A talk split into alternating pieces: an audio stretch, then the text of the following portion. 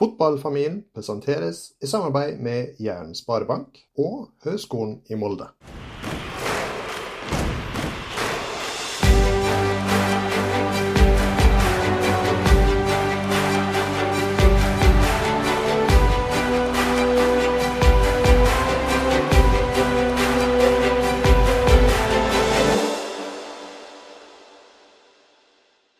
Velkommen til Fotballfamilien, en podkast for deg som er glad i fotball. Mitt navn er Anders Ofrid Gjerseth, og med meg er på, i, i, fra Molde denne gang, eh, Sander. Hei. Er du der? Ja, se der. Har du eh, bodd deg på plass? Ja, så vidt. Nå fikk jeg faktisk akkurat på plass en ny PC, så vi får håpe på at eh, alle de tekniske eh, inngangene her går fint. Ja, det blir spennende tider, for Sander vil snart etter hvert også sitte i et podkaststudio og oppgradere standarden litt, så det, blir, det, gleder vi oss til. Vi er første gang eh, at vi ikke sitter i samme rom, og det blir en læringskurve for oss, men vi håper at eh, opplevelsen for dere som hører på, skal bli like bra. I dag så har vi med oss en gjest som vi har gleda oss til å møte, ikke minst fordi at det han gjør, er noe som vi helt fra starten av har ønska oss veldig å ha med i podkasten. Men da bare uh, uten uh, Jeg kjenner litt til dagens gjest, men kjenner han ikke veldig godt. Så uten noe ytterligere introduksjon fra undertegnedes side, så skal han få lov til å presentere seg sjøl. Så jeg bare sier velkommen til deg, Håkon Gretteland. Tusen takk. Hyggelig å være her, og gratis med en, eh, en flott uh, podkast. Så det, jeg gleder meg til en time med dere og fortelle litt om spillerutvikling og meg sjøl, og litt hva jeg tenker. og det det skal veldig sånn uh, to the point på hvem jeg er, så er jeg en uh, drammenser. Uh, fotballgutt. Alltid uh, elska fotball. Så med ballen i senga da jeg var pjokk. og så har det utvikla seg videre til en slags karriere, da. ikke den karrieren jeg drømte om da jeg var liten, for det var jo som alle andre. Å spille på de store stadionene og, og bli proff. men jeg føler meg veldig privilegert som å få lov til å jobbe med å og bidra til å utvikle kall det morgendagens uh, helter. Ja, ok. Men hvilken bakgrunn har du uh, på vei inn i, i yrket sånn rent faglig sett? Altså, det starta jo uh, Jeg var som liten, altså barn og ungdom, så var jeg som alle andre, nesten alle andre på den tida, den generasjonen. Jeg holdt på med ballen hele tida. Jeg blei ganske god. Og var vel ansett som relativt talentfull da jeg var 18-19 eh, år. Men så er jeg så heldig da, at jeg kan, eh, jeg kan skylde på en skade. fordi at det, jeg, jeg ble aldri proff. Kan skylde på en skade, men realiteten og faktum er at eh, jeg hadde ikke blitt proff uansett eller blitt noen toppspiller. og Da kommer vi inn på noen sånne mentale ting som vi sikkert kan touche mer innpå seinere. Og som jeg tar meg inn i den jobben jeg har nå. Hvor mye det mentale uh, har å si, uh, i uh, kanskje spesielt ungdomsåra. Så da ble det, Jeg hadde to drømmer på den tida. Enten var det å bli proff, eller så var det å bli politi. Begge to ble knust i en og samme Det var et skudd fra Jostein Flo og alle ting, så jeg brakk håndleddet. Jeg var keeper. Og så eh, var det såpass komplisert brudd, og det grodde aldri. Så, det, så da røyk både politi- og, og proffdrømmen. Og Så ble det å pense seg inn etter hvert. da, så Da ble det studier på idrettshøyskolen. Tok en mastergrad der i ledelse og læring eh, på NIH. Eh, og trente lag parallelt. Og blei veldig tidlig hovedtrener på et eh, ålreit uh, nivå. Og hovedtrener på nivå tre, altså andredivisjon, som 25-åring. Eh, og var der noen år. Og var helt sikker på at jeg kom til å bli da skal jeg i hvert fall bli topptrener. Uh, og så er det litt tilfeldigheter sånn, som gjør at man pensler litt inn på en annen kurs. Jeg endte opp som uh, spillerutvikler i Buskerud på en tid som det var veldig spennende. For det var jo akkurat på den tida Martin Ødegaard dukka opp som elleveåring. Så jeg fikk gleden av å være tett på han og litt å følge opp. Og så etter hvert så søkte jeg da på jobben som den gang het fagansvarlig spillerutvikling i Norges Fotballforbund. Trodde aldri jeg skulle få, men jeg søkte, og så har det derfra utvikla seg videre. Og den jobben jeg har nå, er jo ikke den jeg søkte på, men det er som jeg har vært nå i Fotballforbundet i, i ti år. Da er vi litt mer kjent med hvem vi har med oss her. Eh, så rent sånn, Hva slags eh, jobb er det du gjør i NFF i dag? Altså, jeg er jo leder for spiller- og trenerutvikling i Norges Fotballforbund. Så det er, jo en, det er jo en svær greie hvor man liksom uh, veldig overordna kan si at jeg har et ansvar for både det som skjer i, i uh, barnefotballen, og på det hvilket som helst treningsfelt der ute. Ansvar for talentutviklinga vår gjennom det vi kaller for landslagsskolen. At vi har et system som fanger opp de største talentene og, og følger dem opp og utvikler dem videre. Eh, og så er det all trenerutdanning under A-nivå, altså den, den trenerutdanninga som treffer eh, bredden. Men dette driver ikke jeg med alene, så jeg har jo en gjeng eh, som jeg leder da inne på, på Ullevål. ni stykker. Og så er kanskje det unike med det sånn som vi er i Norge, at vi i tillegg til de som jobber på Ullevål, så har vi jo et svært apparat der ute. Så f.eks. bare rundt talentutvikling så har jeg en i hvert fylke som har ansvaret, ansvaret sitt fylke igjen, eh, og som, eh, og som, rapporterer inn til meg. Og Sånn har vi på trenerutdanning og andre fagområder òg. Så det er et svært apparat i, i sving. Eh, det er det. Så når Sander skal begynne sin trenerutdanning, eller har vel egentlig begynt, men har ikke fullført første steg, så er det på en måte liksom den modellen han skal følge? Ja, Da begynner man med det som kalles for grasrotkurset, og så er det videre på B og Wow, pro. Ja. Dette blir bra. Sånn. Vi skal på en måte gå eh, over til dagens første spalte, som skal handle om relasjoner. Spalten presenteres i samarbeid med Jæren sparebank. Det er som vi sier det på Jæren, det er jabbene som drar. Hva tenker du når du hører ordet relasjoner? Det er det, det er som er å være menneske. Er, vi er grunnleggende relasjonelle i vårt vesen. og Det er derfor vi er den eh, spesielle arten vi er. Fordi vi greier å, å, å hva skal si, forholde oss til andre og er avhengig av andre eh, for å både lykkes med ting og ikke minst trives. Så, eh, og, så, det er sånn grunnleggende sånn uh, livet, tenker jeg. Det handler om å gjøre ting i lag sammen med andre, få til ting sammen med andre. Uh, og så er det jo ekstra viktig fotball, da, som jo, hvor man i hvert fall er sjanseløs hvis man tenker solo. Så det relasjonelle har jeg alltid vært veldig opptatt av og interessert i. Og det, det er viktig å, å, holde litt tak i dagens samfunn og dagens utvikling, som blir mer og mer sånn individretta. At vi i hvert fall eh, vi, vi holder fast ved denne, det kollektive samhandlinga, det relasjonelle eh, knyttet til fotballen. Det er jo musikk i mine ører. Eh, men, men, da tenker jeg liksom, du er jo egentlig beveget inn i det. at eh, Hvilken rolle tenker du relasjoner spiller i fotballen, litt sånn konkret, på ulike nivå? Nei, men det er jo øh, da, altså, Fotball er jo ved siden av skolen. Da. Øh, for å ta det, så er det kanskje den viktigste arenaen vi har for øh, sosialisering, eh, inkludering eh, osv. Fordi man gjør ting i lag. Uh, jeg pleier også å si det at uh, jeg ser forskjell på voksne folk som har drevet med lagspill, og først og fremst fotball, og de som ikke har gjort det.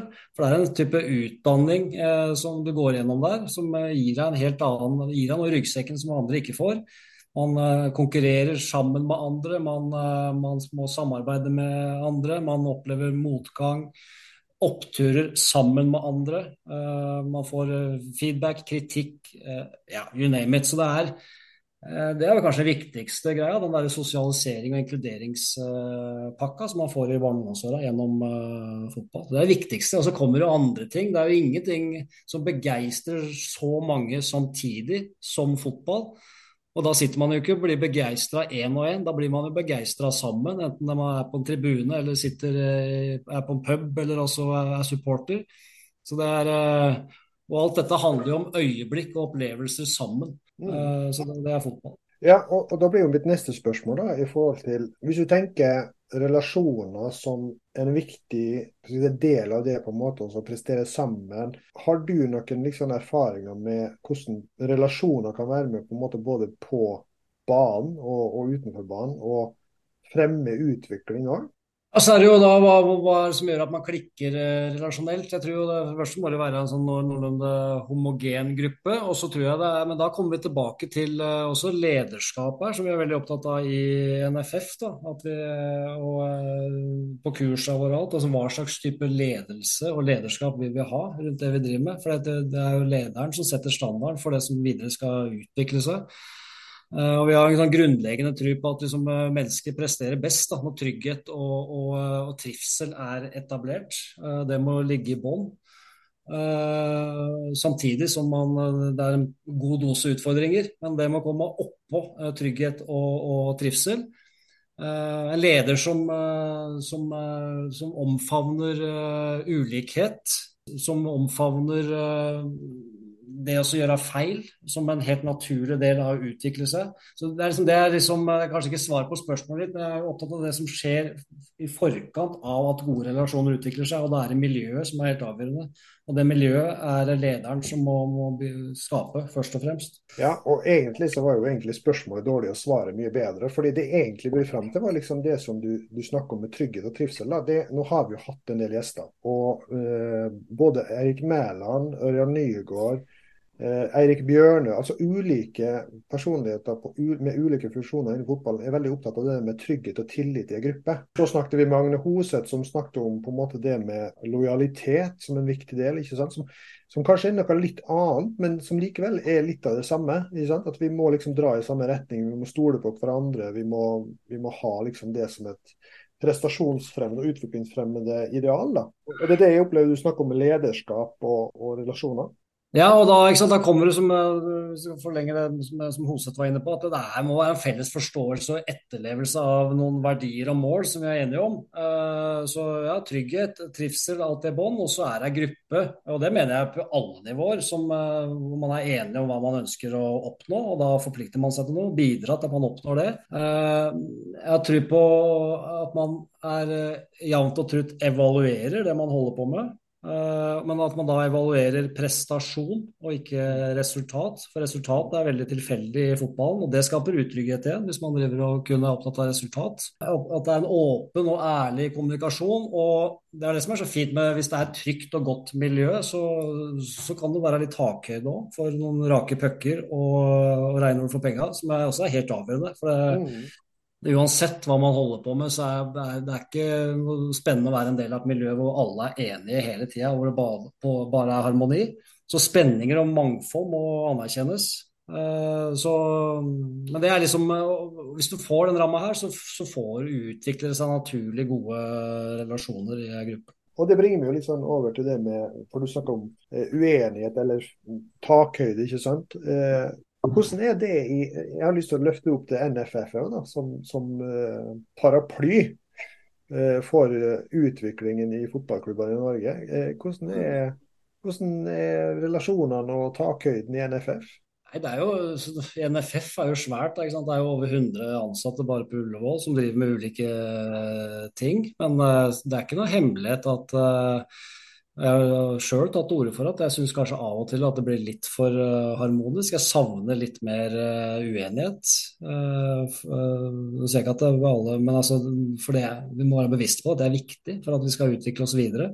Mm. Uh, så er vi nok uenige når vi kommer ut av Ullevål, for da er det, det er mange som mener mye om NFF, og som vi må snakke med og diskutere med. Så vi møter nok spenning og motstand, de som jobber i NFF. Men på enkelte områder av og til så og det har jeg vært bevisst på, så, så, så, trenger vi mer uenighet og litt ulike typer. Eh, både kompetanse og perspektiver inne på, på huset. Så det, så, det, er noe som man er bevisst på nå også framover. At man, uh, vi må ha mangfold rett og slett. Både i meninger og i personlighet. Det kommer litt over sånn til hva jeg lurte på nå, med at eh, hvor flinke er dere i NFF på å bruke eh, den uh, gjennomsnittlige fotballtreneren eller foreldretreneren eller bare ren fotballsupporter? Hvor hører dere mye på, på deres forslag og, og tanker? Det er i hvert fall eh, Det kan jo alltid bli eh, bedre. og Hvis det er én ting man konstant går med dårlig samvittighet for når man jobber i NFF, så er det at man ikke er nok der ute og møter folk, selv om man føler at man gjør det hele tida. Så, så, så, når man ikke rundt.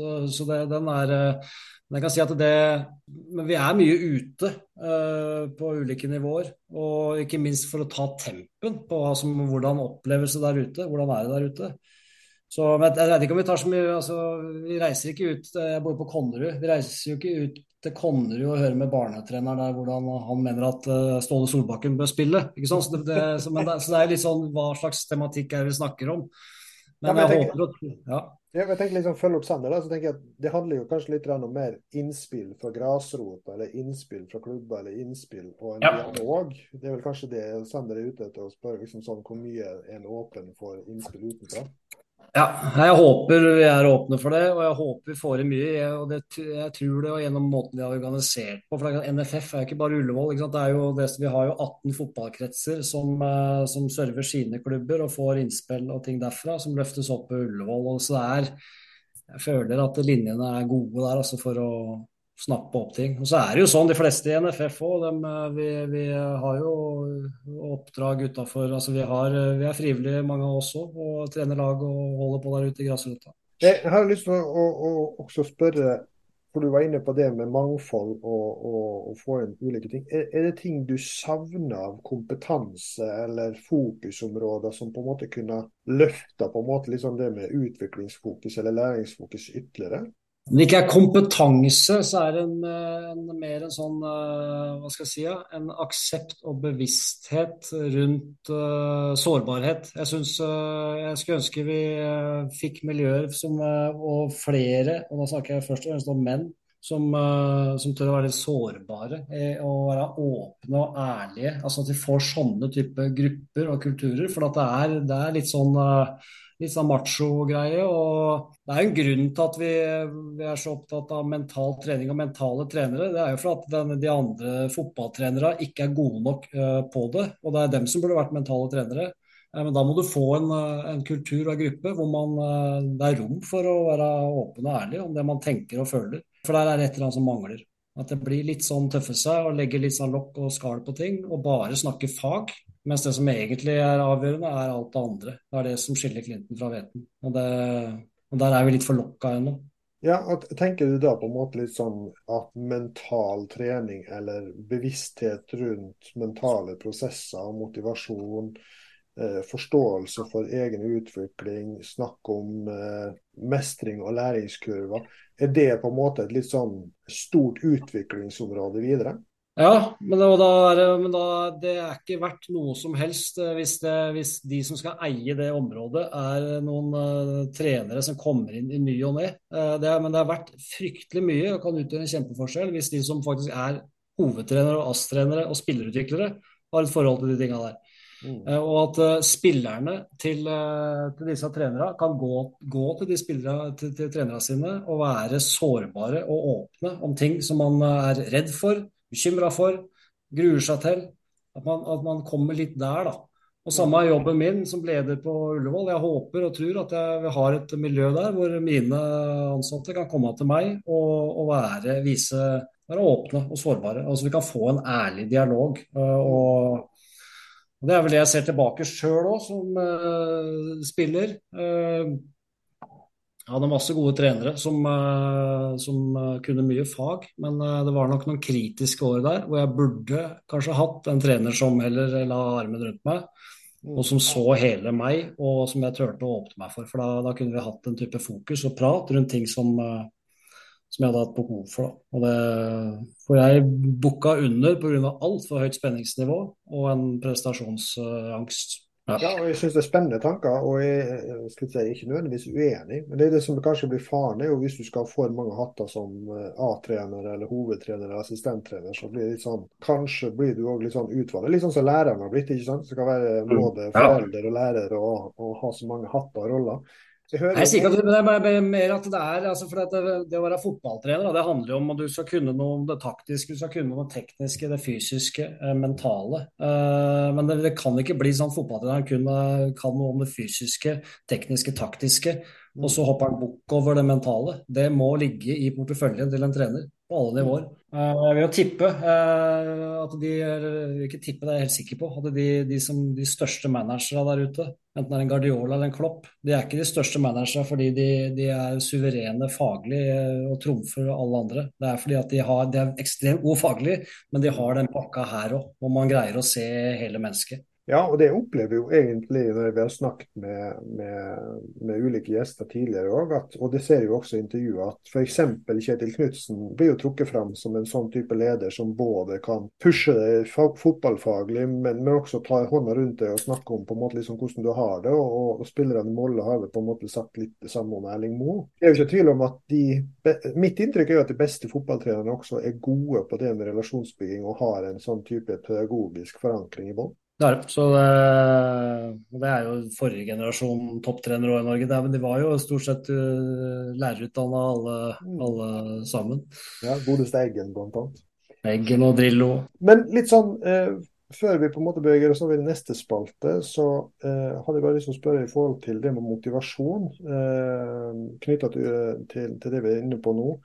Eh, opplever du at unge spillere og, og ungdomsfotballen i dag har andre utfordringer knytta til motivasjon når vi, når vi ser på det med å være en del av et lag. Eh, Du snakker om individualisme, ikke sant? eh, som vi ser på alle nivåer i samfunnet. Merker du på en måte noen endring i forhold til motivasjon blant unge spillere i dag? Både ja og nei. for det, Hvis jeg tenker tilbake sjøl da jeg var ung og sammenligner med i dag, så er det, det er på et visst stadie så inntreffer det en litt annen type motivasjon. Men det gir seg et litt annet utslag nå enn tidligere gjennom sosiale medier og sånn eh, nå. Eh, På min tid så var det lokalavisa og klapp, men det, men det, det er Det skjer jo noe i eh, 14-15-16-årsalderen, er min erfaring. Eh, I hvert fall blant de som begynner å bli gode. Eh, Gå fra å 100 motivasjon knytta til kjærlighet til spillet og bare det å holde på, så blir det mer og mer en sånn eh, streben og jakt etter både mer eh, anerkjennelse utenfra. Om det er likes på sosiale medier eller en avisnotis, det, det er det samme egentlig. Og det blir mer og mer en drive etter type kontrakter og få seg en ny klubb osv. Så, videre. så det skjer noe i starten av tenåra. Eh, hvor eh, 100% indre motivasjon eh, erstattes av noe rundt. Hvor bevisst er dere i NFF rundt eh, alt det som er rundt, og liksom rundt knytta til spillerutvikling? Nei, altså det, eh, vi, vi, ja, vi er bevisste på det. Og så er det jo om vi når ordentlig gjennom. eh, Så vi er, vi er veldig bevisste på rundt alle våre tiltak og ved uttak til land, første landslag og talentlærer osv. Så, videre, så har vi jo både samtaler med foreldre, for det, det, det, det er kanskje det viktigste spillerutviklerne vi har. Foreldre.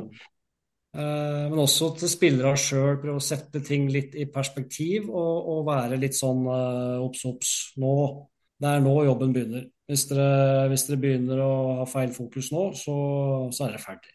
Og de fleste blir ferdig der, for det er, eh, det, er, det, er, det er tøft, dette her. Det er ikke så mange som når gjennom i nåløyet, men da må man i hvert fall de åra der ha huet på rett plass.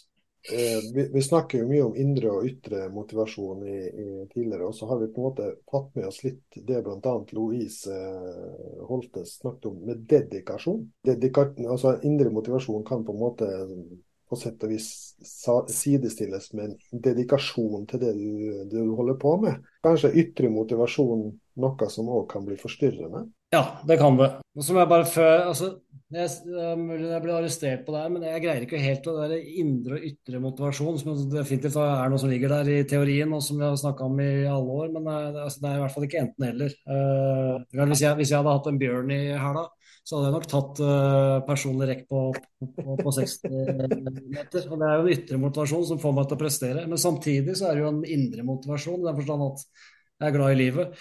Mm. Så, så det, er, det, er ikke, det er ikke enten-eller. Men uh, vi snakker jo i Fotballforbundet om de, altså, de som blir best til slutt, og de tinga som vi ønsker å stimulere oppunder, og som vi også ser etter. Det er jo de som har kjærlighet til spillet, og da ser vi etter tilstedeværelse eller dedikasjon. Da. De som greier å leve seg 100 inn i det de holder på med. Mm. Og så er det de som, uh, som er nysgjerrige på det de holder på med, reflekterer, uh, snakker, tenker fotball. Og så er det de som utfordrer seg sjøl, som tør å gjøre feil. Blant annet. Det er sånne ting. Og det er klart at uh, spesielt den tilstedeværelsen, den, den kan bli forstyrra hvis du har huet andre plasser, i den forstand at Men det er samme med det å tørre å gjøre feil, kan bli forstyrra. Hvis, hvis fokuset ditt nå er Oi, nå er det noen på tribunen som ser på meg som vurderer meg. Det er ikke sikkert du slipper deg så løs da, som du kanskje burde ha gjort, for å ha videre læring og utvikling. Men det bringer meg jo litt over til det som eh, jeg lurer Du svarer kanskje litt på det, men jeg husker jo det at eh, første gang jeg så deg, det var jo på, på den serien som eh, TV 2 har med våre meste menn, og det 2003-kullet der. Du ser jo mange av de som i den dag i dag spiller på veldig høyt nivå. Du har f.eks. Odin Tiago Holm som i dag Mm. spiller i, i Celtic. Er det noe sånn Som jeg sier, du svarer kanskje litt på det, men er det noen sånn spesielle fellestrekk du ser på de som når helt uh, på toppen, liksom? Altså, det er uh, Ja, det er det jo. Og det er egentlig så var det det jeg var inne på nå. Altså, Jeg greier ikke å se noen uh, av de som har blitt som ble best, som, som, stryker på de fire boksa vi, vi, vi definerer som talent i NFF. da. Tilstedeværelse, dønn tilstedeværelse, trener mye, utfordrer seg sjøl jevnt og trutt daglig. Og nysgjerrig og reflekterte rundt det de holder på med. Altså, absolutt alle som har blitt gode, har, har mye av det. Det er veldig mange av de som er gode når de er 15-16, som ikke har så mye av det. Og de, da blir, de blir ikke best til slutt. Så det, det, er liksom litt det enkle svaret. At det, det er noe der. Og så er det så er en, en påstand, påstand toppfotballen er så tøff. Du må være ganske tøff i huet og takle en del ting. Og det greier du ikke hvis du ikke gjennom barne- og ungdomsåra har utvikla en eller annen form for mental robusthet. Uh, og da den har sikkert noen hørt meg si, eh, nevne før, men jeg syns han er så fin. Altså der, det var en forskning som så på hva som skilte de, de, en gjeng med nederlandske spillere som lykkes, og en gjeng med nederlandske spillere som ikke lykkes. Og Det var tre fellesnevnere på de som lykkes. og Det var at de hadde enten skilte foreldre, eh, de var yngst i søskenflokk, eller hadde minoritetsbakgrunn. Og da skal ikke det leses slavisk, mener jeg, men det sier noe om at hvis du har litt motgang og får litt trøbbel i barne- og ungdomsåra, så bygger du en eller annen type robusthet som du er helt avhengig av for å bli en topputøver. Eh, så den syns jeg, eh, jeg, er spennende. Det kanskje jeg skal ta opp litt senere i sendingen. Men eh, vi må over til en ny spalte som skal handle om læring og utvikling. Spalten presenteres i samarbeid med Høgskolen i Molde. Håkon, når vi snakket litt sånn før sending begynte, så sa du jo at det var noe som du hadde veldig lyst til å, å, ha fokus på. og Det er jo en fin overgang fra relasjoner, egentlig. Jeg kunne kanskje snakke om det der òg. Men eh, du snakker noe om hvem det er som på en måte har vært din hoved eh, eh, eller eh, rollemodell i ledelse. Ja, det har slått meg mer og mer. Eh, altså, rollen min eh, har jo alltid vært, hatt et lederansvar, men det er kanskje de siste fem-seks åra jeg virkelig har kjent på det å være leder, i takt med at ansvaret har eh, utvida seg og fått større og større mandat, flere og flere mandater. Men da slår det meg at alt det jeg står for og forfekter innenfor ledelse, det har jeg egentlig med meg fra oppveksten og, og fattern. Og sånn som jeg opplevde han. Uh, det er egentlig det som er liksom grunnleggende som jeg tar med meg, og som jeg også tar med når jeg liksom altså en slags oppskrift på både en god trener og leder. Eh, og det som ble, var greia der, eh, det var jo en følelse av at eh, han her er glad i deg. Ordentlig glad altså Fattern er glad i meg. Den, det både sa han og viste han hver eneste dag. Så jeg hadde en sånn trygghet på at han er glad i meg. Og så var det en mye anerkjennelse. Klapp på skuldra når det var fortjent. Så det lå i bånn. Og da blir det sånn at de, de gangene han da hever stemmen litt, eller på en måte korrigerer litt, så lytter du, for det første. Og du har veldig lyst da til å gå vekk fra den igjen og tilbake til anerkjennelse. Mm. Så Det er en sånn drivkraft. Eh, det å gjøre fattern stolt, det var en sånn drivkraft. og Det er det vel i og for seg ennå. Og det er sånn Jeg snakka med Jon Carew her om dagen, som sier noe av det samme når han ser tilbake på de trenere han har hatt i, eh, i sin karriere. Så er det ikke det er ikke, de, det er ikke faget som står igjen. Han sa at det er de trenere som han følte var som en pappa. Det er de som står igjen, og det er de du virkelig løper skjorta av for. da. Så så, så, det, det, så, det, er noe med trygghet, anerkjennelse, kjærlighet i bånd. Uh, og når det er i bånd, og du får kjenne mye på det, er trygg på det, så er, så du, så er du også klar for å både ta veiledning og korreks og få utfordringer. Egentlig så når vi på en måte da snakker nå om ledelse, egentlig, eh, og å være på en måte en som skal veilede og legge til rette for læring og utvikling, så, så, må både det relasjonelle og den der tryggheten, tilliten og kjærligheten ligge til bånd. At du har virkelig et menneske som du merker bryr seg. Og det, ja, rett og slett som bryr seg. Og det er sånn, jeg tenker tilbake på andre trenere. altså De trenere som står igjen for meg, det er de som man hadde en eller annen god følelse rundt. Du kjente på at dette, den treneren her vil meg alt vel. Han liker meg, han, er, eh, han ser meg. Jeg er ikke bare en brikke for treneren i et eller annet kamp som skal vinnes. Man ser meg, bryr seg. Uh, vi er tilbake til trygghet, altså, jo, og der har vi blitt uh, Der har det vært en dreining de siste 20 åra sånn med tanke på treneratferd og trenertilnærming. Vi har en, helt, en trenerstand som er mye mer bevisste på det der. Uh, og, og, og, det er viktig, for det trumfer all verdens fag og taktiske ting. Altså evnen til å skape trygghet. Ja. Og, da er det tilbake til den evinnelige debatten, skal ikke ta den nå, men det er så mange som mener, snakker om godt skolerte trenere i barnefotball. Eh, da vil jeg heller ha litt mindre skolerte trenere, fordi de skolerte trenere er jo ofte unge trenere i 20-åra. Da vil jeg heller ha litt mindre fotballfaglig skolerte trenere, men trenere som har eh, levd et liv og erfart, er vant til å håndtere barn og unge, eh, og som kan være i lag med unge på den måten. Så, som trumfer all verdens taktikk det er et lite sidespor, men jeg skal bare fortelle den, for jeg syns den er egentlig ganske interessant. Eh, når guttungen var mindre, og jeg var en del av trenerapparatet rundt han, jeg har jo sagt i tidligere podkaster, jeg har ikke noe veldig lang trenerutdanning. Jeg stoppa liksom på grasrotnivå. Mm. Men jeg har jo på en måte med meg en del kunnskap med uh, å jobbe med mennesker og forstå mennesker.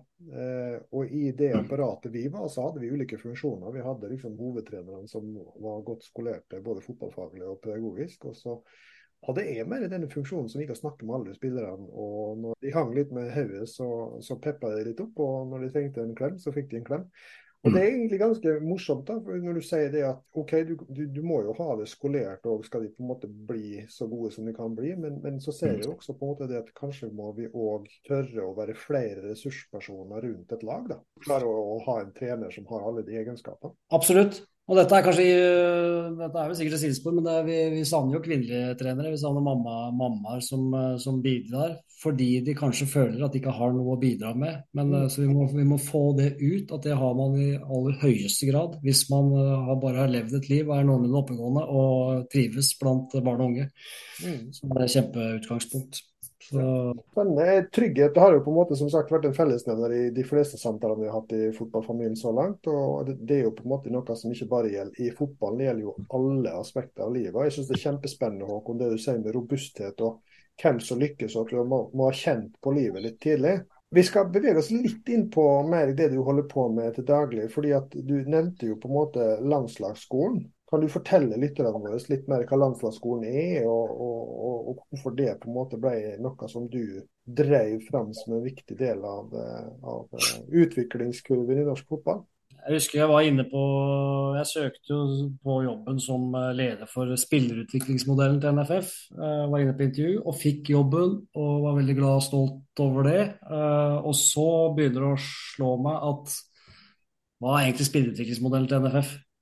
Uh, hva er det jeg egentlig er leder for? Uh, og da blei det viktig for meg i, i, starten av den jobben å lage en modell som handler om uh, to ting. Det handler om en slags sånn, en, en, struktur. Det er noen nivåer. altså Vi har sonelag, kretslag, regionslag, landslag. Sånn, sånn, er nivåene. Noe av det gjøres ute i kretsa, andre ting gjøres i regi av Fotballforbundet direkte. Men okay, dette er modellen vår. Sånn ser det ut. Vi kalte den landslagsskole òg. Uh, og så er det da kanskje enda viktigere, hva er det vi skal drive med i den modellen? Hvordan, hvordan tenker vi trening, uh, spillestil, hva er det vi er opptatt av? Sånn at alle som er en del av den modellen eller skolen, jobber med de samme tinga. Og det har vært det var en Det kan jeg si nå, for jeg husker jeg lanserte dette her, så fikk jeg spørsmål hvor har dere vært og henta inspirasjon fra. Det blei litt kjapt og gæli i startfasene, for jeg opplevde at det var bare viktig å komme i gang med noe. Så det blei at jeg satt på kontoret en, en sommer i sommerferien og skreiv, skreiv ut ifra det jeg hadde lært og erfart i mitt eh, liv så langt. Det var første versjon. Og så men det var det jeg var opptatt av. Hvis, hvis, vi har en tydelighet på hva vi ønsker å oppnå, så er det veldig lett å endre og revidere òg. Altså det, det, var liksom ikke farlig å sette i gang. Og det har blitt en sånn ledermantra for meg at det, er bedre å være tydelig og ta feil enn å være litt sånn utydelig og ha litt rett. Så sett i gang, og så, er liksom, og så justerer vi, for da veit vi hva vi har prøvd på. Mm. Det, så Det er landslagsskolen. Det, er, det handler om 12-16-åringer. Det er ca. 10 000 spillere til enhver tid som er inne i den modellen. Eh, så det er en scouting-arena.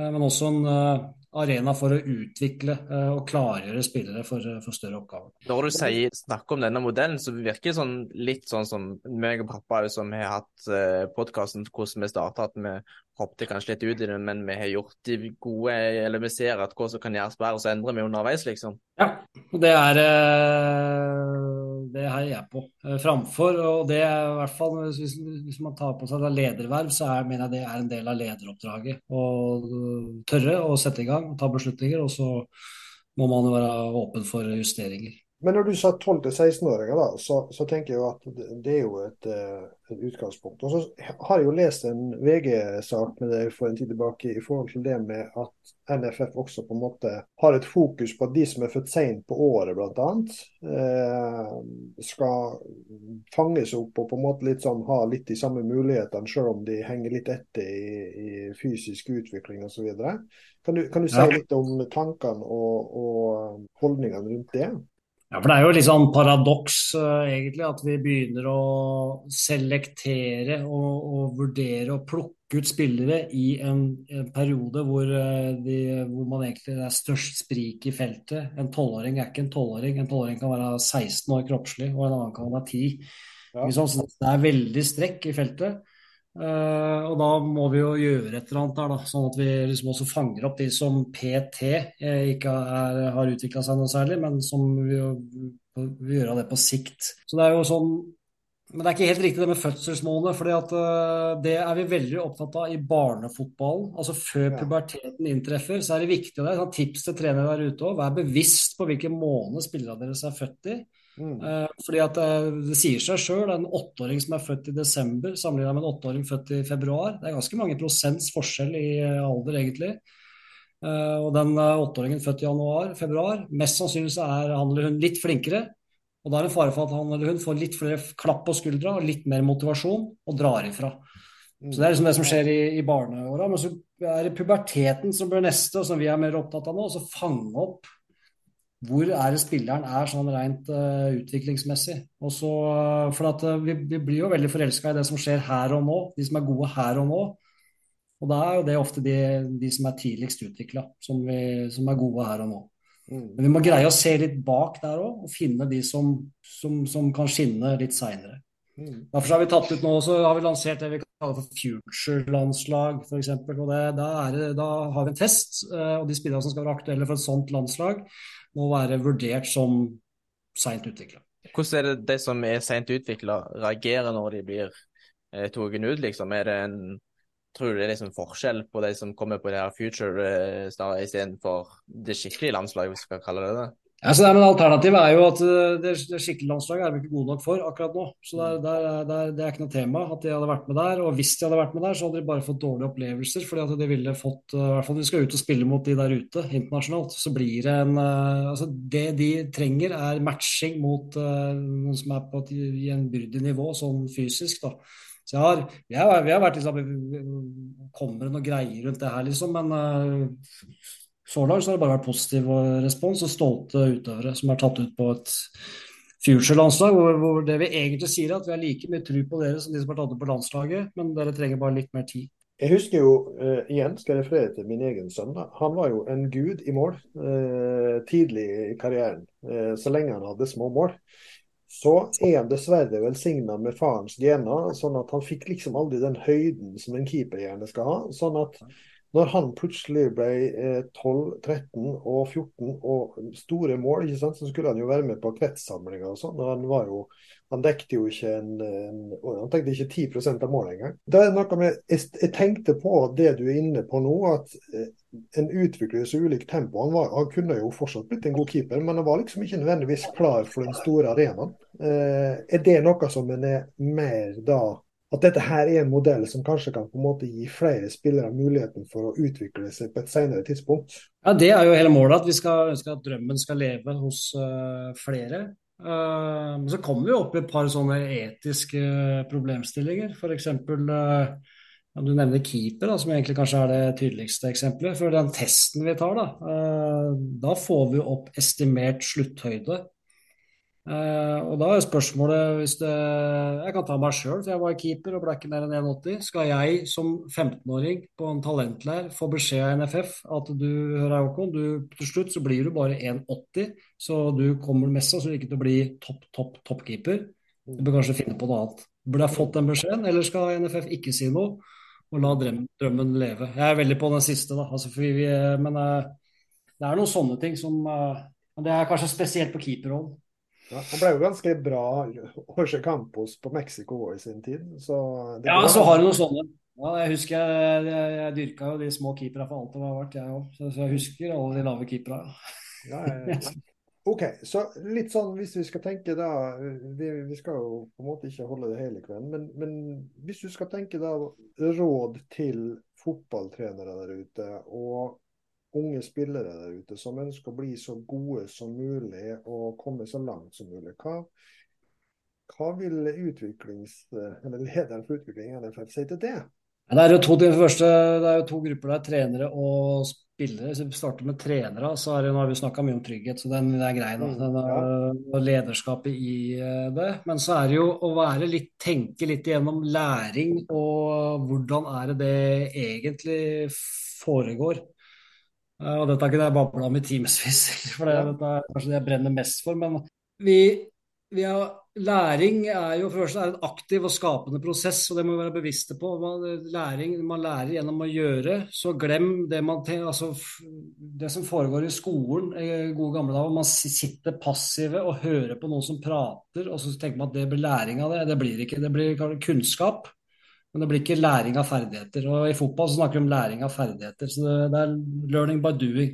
Man må gjøre ting. Utøveren sjøl må være i aktivitet. Der starter det. Og så er det jo å være litt bevisste på hvilke ting er det som kan kvele eller drive læring.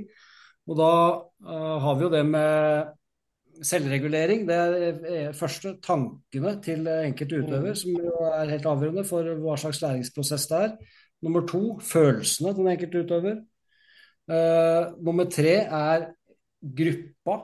Læringsmiljø i gruppa. At, uh, hvordan er den? Uh, nummer fire er den der med mesterlære. At man har noen å kanskje se opp til og strekke seg etter. Og så er det siste er veiledning. Og Poenget mitt er at vi, jeg tror vi er litt for opptatt av den veiledninga. Det er der læringa skjer, gjennom veiledning og prating. Mm. Det er for mye prating i norsk fotball. Det er for, vi har fått trenere prate for mye. Det er for lange spillemøter, og det er for mye prating på feltet. Så det er uh, ro det litt ned, og tenk heller litt gjennom de andre arenaene her. Hva gjør jeg som trener for at uh, spilleren skal ha gode selvregulerende tanker i aktiviteten? Mm. Hva gjør jeg som trener for at utøveren skal ha positive følelser i aktiviteten? Uh, hva gjør jeg som trener for at det skal være en gruppe her som lærer av hverandre underveis?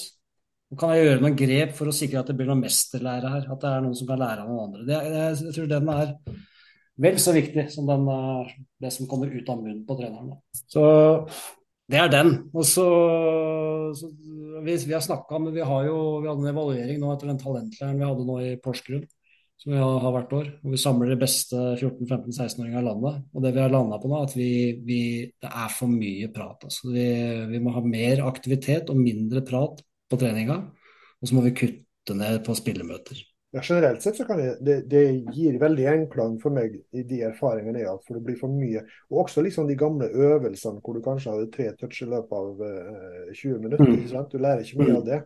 Eh, sånn at Jeg husker jo jeg snakket med Ørjan Nygaard, som er, som er med i teamet i Bodø-Glimt. Han sa jo det at hvis du som foreldretrener ikke har den beste skoleringa, eh, la spillerne eh, spille tre mot tre eller fire mot fire og ha mest mulig touch. Og spill gjerne litt sånn at hvis det er en som er smart av seksåringene og har skjønt greia, eh, ja. så la han få lov til å få mer ansvar og dirigere. og Det synes jeg var en sånn kjempefin inngang, da, fordi du får jo ja. mest mulig touch.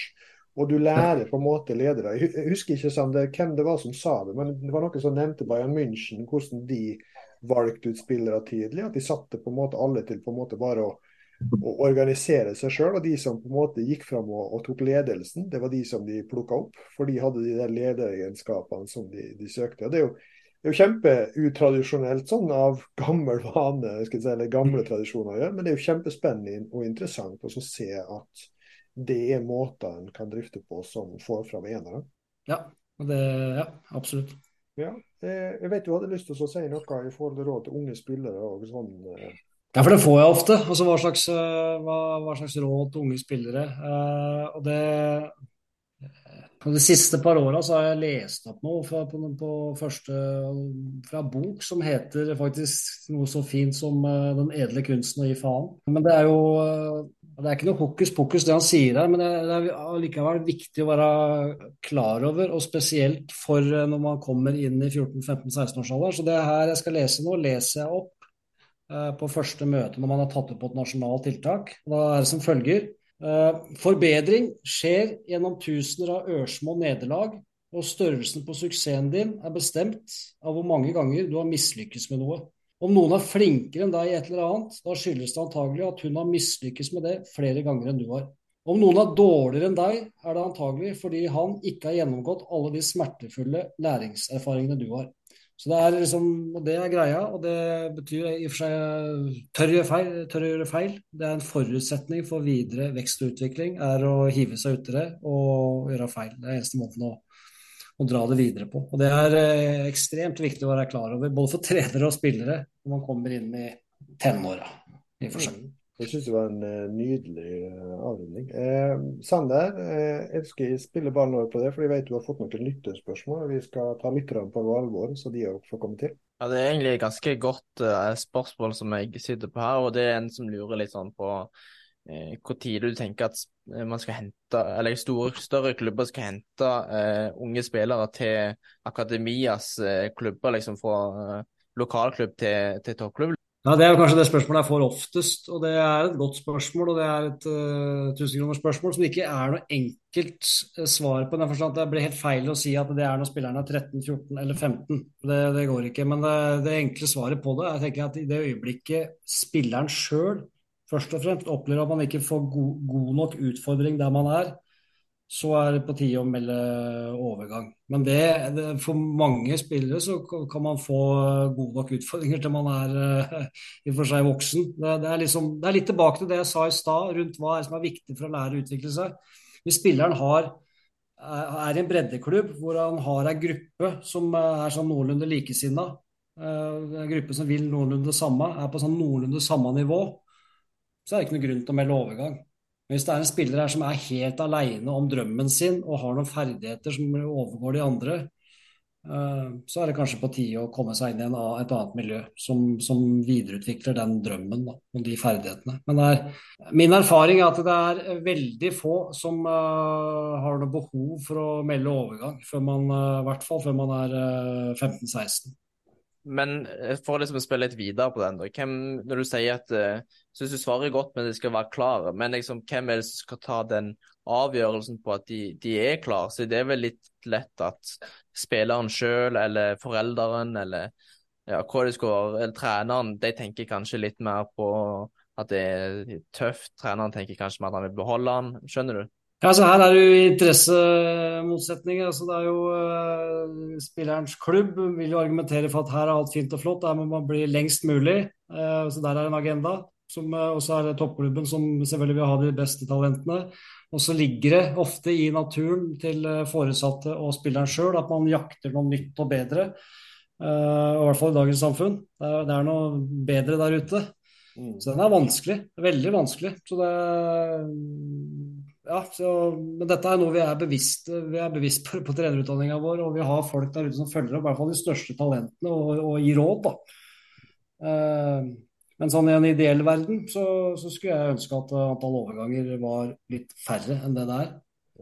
Eh, Før du går videre til neste lytterspørsmål, jeg har bare lyst til, det var egentlig noe jeg hadde lyst til å stille deg spørsmål om i sted, når du snakker om foreldre. fordi Foreldre er jo en kjemperessurs, det er jo ingen tvil om. Og jeg er jo for så vidt enig med det, at det, det, det er viktig med på en måte røynde, gode trenere eh, som har levd litt.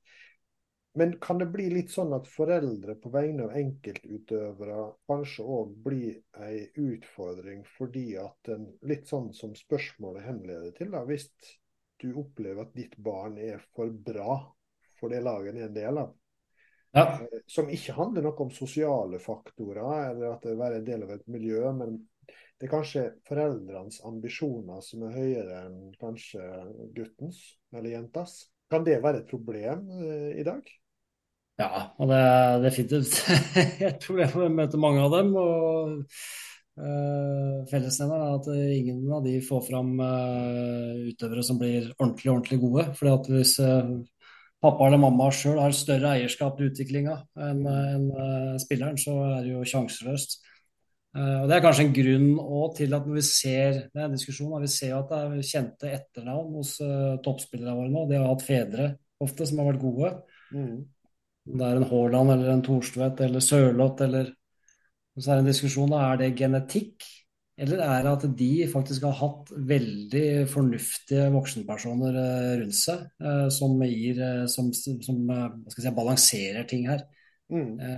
Fordi de veit hva, hva, slags mekanismer og hva som må til for å lykkes. og at de må holde seg litt i bakgrunnen. De skal gi støtte, være der, men de skal ikke ta over. Ja, det, det, det er kjent musikk, så det var, var spennende. Um, Håkon, du sa jo at du brenner for læring. og Vi kan snakke litt om det etterpå. Men er det noe rundt det med læring som du ikke har fått sagt, som du tenker er kjempeviktig at uh, alle i fotballsirkuset der ute er litt mer bevisst på? Jeg vet du kunne snakka om det i timevis, men, men, i hvert fall bare... Ja, altså jeg har jo jeg, jeg, jeg, blir jo rundere og rundere i kantene på en del ting jo eldre jeg blir. Men det er jeg som har landa på at jeg nå har tre ting som er ufravikelige, sånn sett fra mitt ståsted, i den jobben jeg har, som jeg aldri kommer til å fire på. Det ene handler om spillestil, og jeg har veldig tro på å spille ballen framover og leite etter det før man spiller på tvers eller bakover. Men det er nå den ting. Og så er det det som går på trening, læring. at uh, Eh, og det er veldig basic. Eh, du blir god til det du øver på. Eh, og fotball handler om å, om å øve i en kontekst med, som er uforutsigbar. Det er noen som til enhver tid prøver å ødelegge for deg. Det er noen som skal hjelpe deg. Du skal framover, og du skal forsvare noe bak deg. Sånn må flest mulig øvelser og aktiviteter se ut. Da, da utvikler du det som fotball handler om, og det er jo uh, Fotball er en intelligensidrett. Det handler om å ta valg utpå der. I en kontekst som er i endring hele tida. Mm. Så, det, nei, så tren mest mulig som altså, uh, Lag øvelser som er kamplike. Det er det jeg er mest opptatt av. Og så er det la utøvere utfolde og utforske i den aktiviteten uten at det er prating og coaching hele tida. Skal da gå litt sånn inn for landing. Vi har lovt å holde ca. en time. Eh, hvordan syns du det har vært å være med i denne poden? Hun har vært med en del podder de siste åra, med dette her uh, og det, er ikke noe smisking. Dette har vært det hyggeligste så langt. Syns det var veldig, veldig gøy og interessant, og det er litt sånn annen inngang på ting. Veldig bra. bra. Du, er det noe som på en måte du har oppdaga, enten gjennom samtalen eller rundt hva du har vært opptatt av, som kanskje du har glemt litt eller ikke vært like bevisst på? Ja, så det er jo eh, det, det går jo på det med Dere har et fokus på det relasjonelle. Eh, og Da kommer du fort inn på kollektivet og det å være en del Man er en del av noe større. og Det er, eh, det er en tematikk som man har godt av å ta opp igjen, og som jeg kjenner litt her nå. Som jeg, jeg har fått noe her nå gjennom den samtalen her, og noen refleksjoner som jeg kommer til å dra med til Ullevål i morgen. Vi sitter jo nå i disse dager og lager Uh, Det oppdraget har jeg, jeg, fått, og det er jeg veldig glad for. Jeg skal lage en ny sånn sportslig plattform for Norges Fotballforbund. Altså, det altså, dette er det vi står for i NFF, uh, eh, og det skal gjelde alle. Det er Ståle Solbakken, Hege Riise, barnefotballen. Det er sånn minste felles multiplum på fag. da. Ja. Som skal stemples og godkjennes av styret til slutt. Det jobber vi med nå. og Da, da er det jo bl.a. Eh, knytta til ledelse og hva slags vær hva er vi er opptatt av. og Da, da kommer vi inn på det her. Vi, er, vi, vi må dyrke og være opptatt av det kollektive, samhandlinga, det relasjonelle. Det som folk kan få til sammen. Eh, sånn at én pluss én blir tre, rett og slett. Det, helt, helt nydelig. OK, da skal jeg bare litt sånn runde litt av med å si tusen, tusen hjertelig takk for en kjempespennende time. Jeg elsker når folk er så engasjert at de snakker sånn at jeg slipper å snakke så mye. Eh, så det er iallfall ingen tvil om at du er et engasjert menneske, og jeg er i hvert fall trygg på at uh, dette er de beste hender. Så tusen takk for at du stilte opp hos oss, Håkon. Bare hyggelig. Veldig gøy. Sander, har du noen uh, meldinger eller oppfordringer til våre lyttere, som alltid? Ja, først og fremst må jeg si at jeg deler, deler dine det du sier. Jeg er helt, helt enig. Og jeg, sånn som jeg sa med Louise Rogers Holte, at jeg gleder meg til å redigere og få repeter, repetert innholdet. Og det her er noe som jeg sjøl er engasjert i, og kunne jo sikkert diskutert med deg i timevis. Men så må vi jo prøve å holde det litt innen tidspunkt. Men ja, de tingene jeg skal si, det er det at må, folk må ta seg full lokk på sosiale medier. Da sier vi eh, tusen takk for i kveld. Eh, mitt navn er Anders Gjerseth. Jeg signerer ut og sier takk for i dag, og på gjenhør.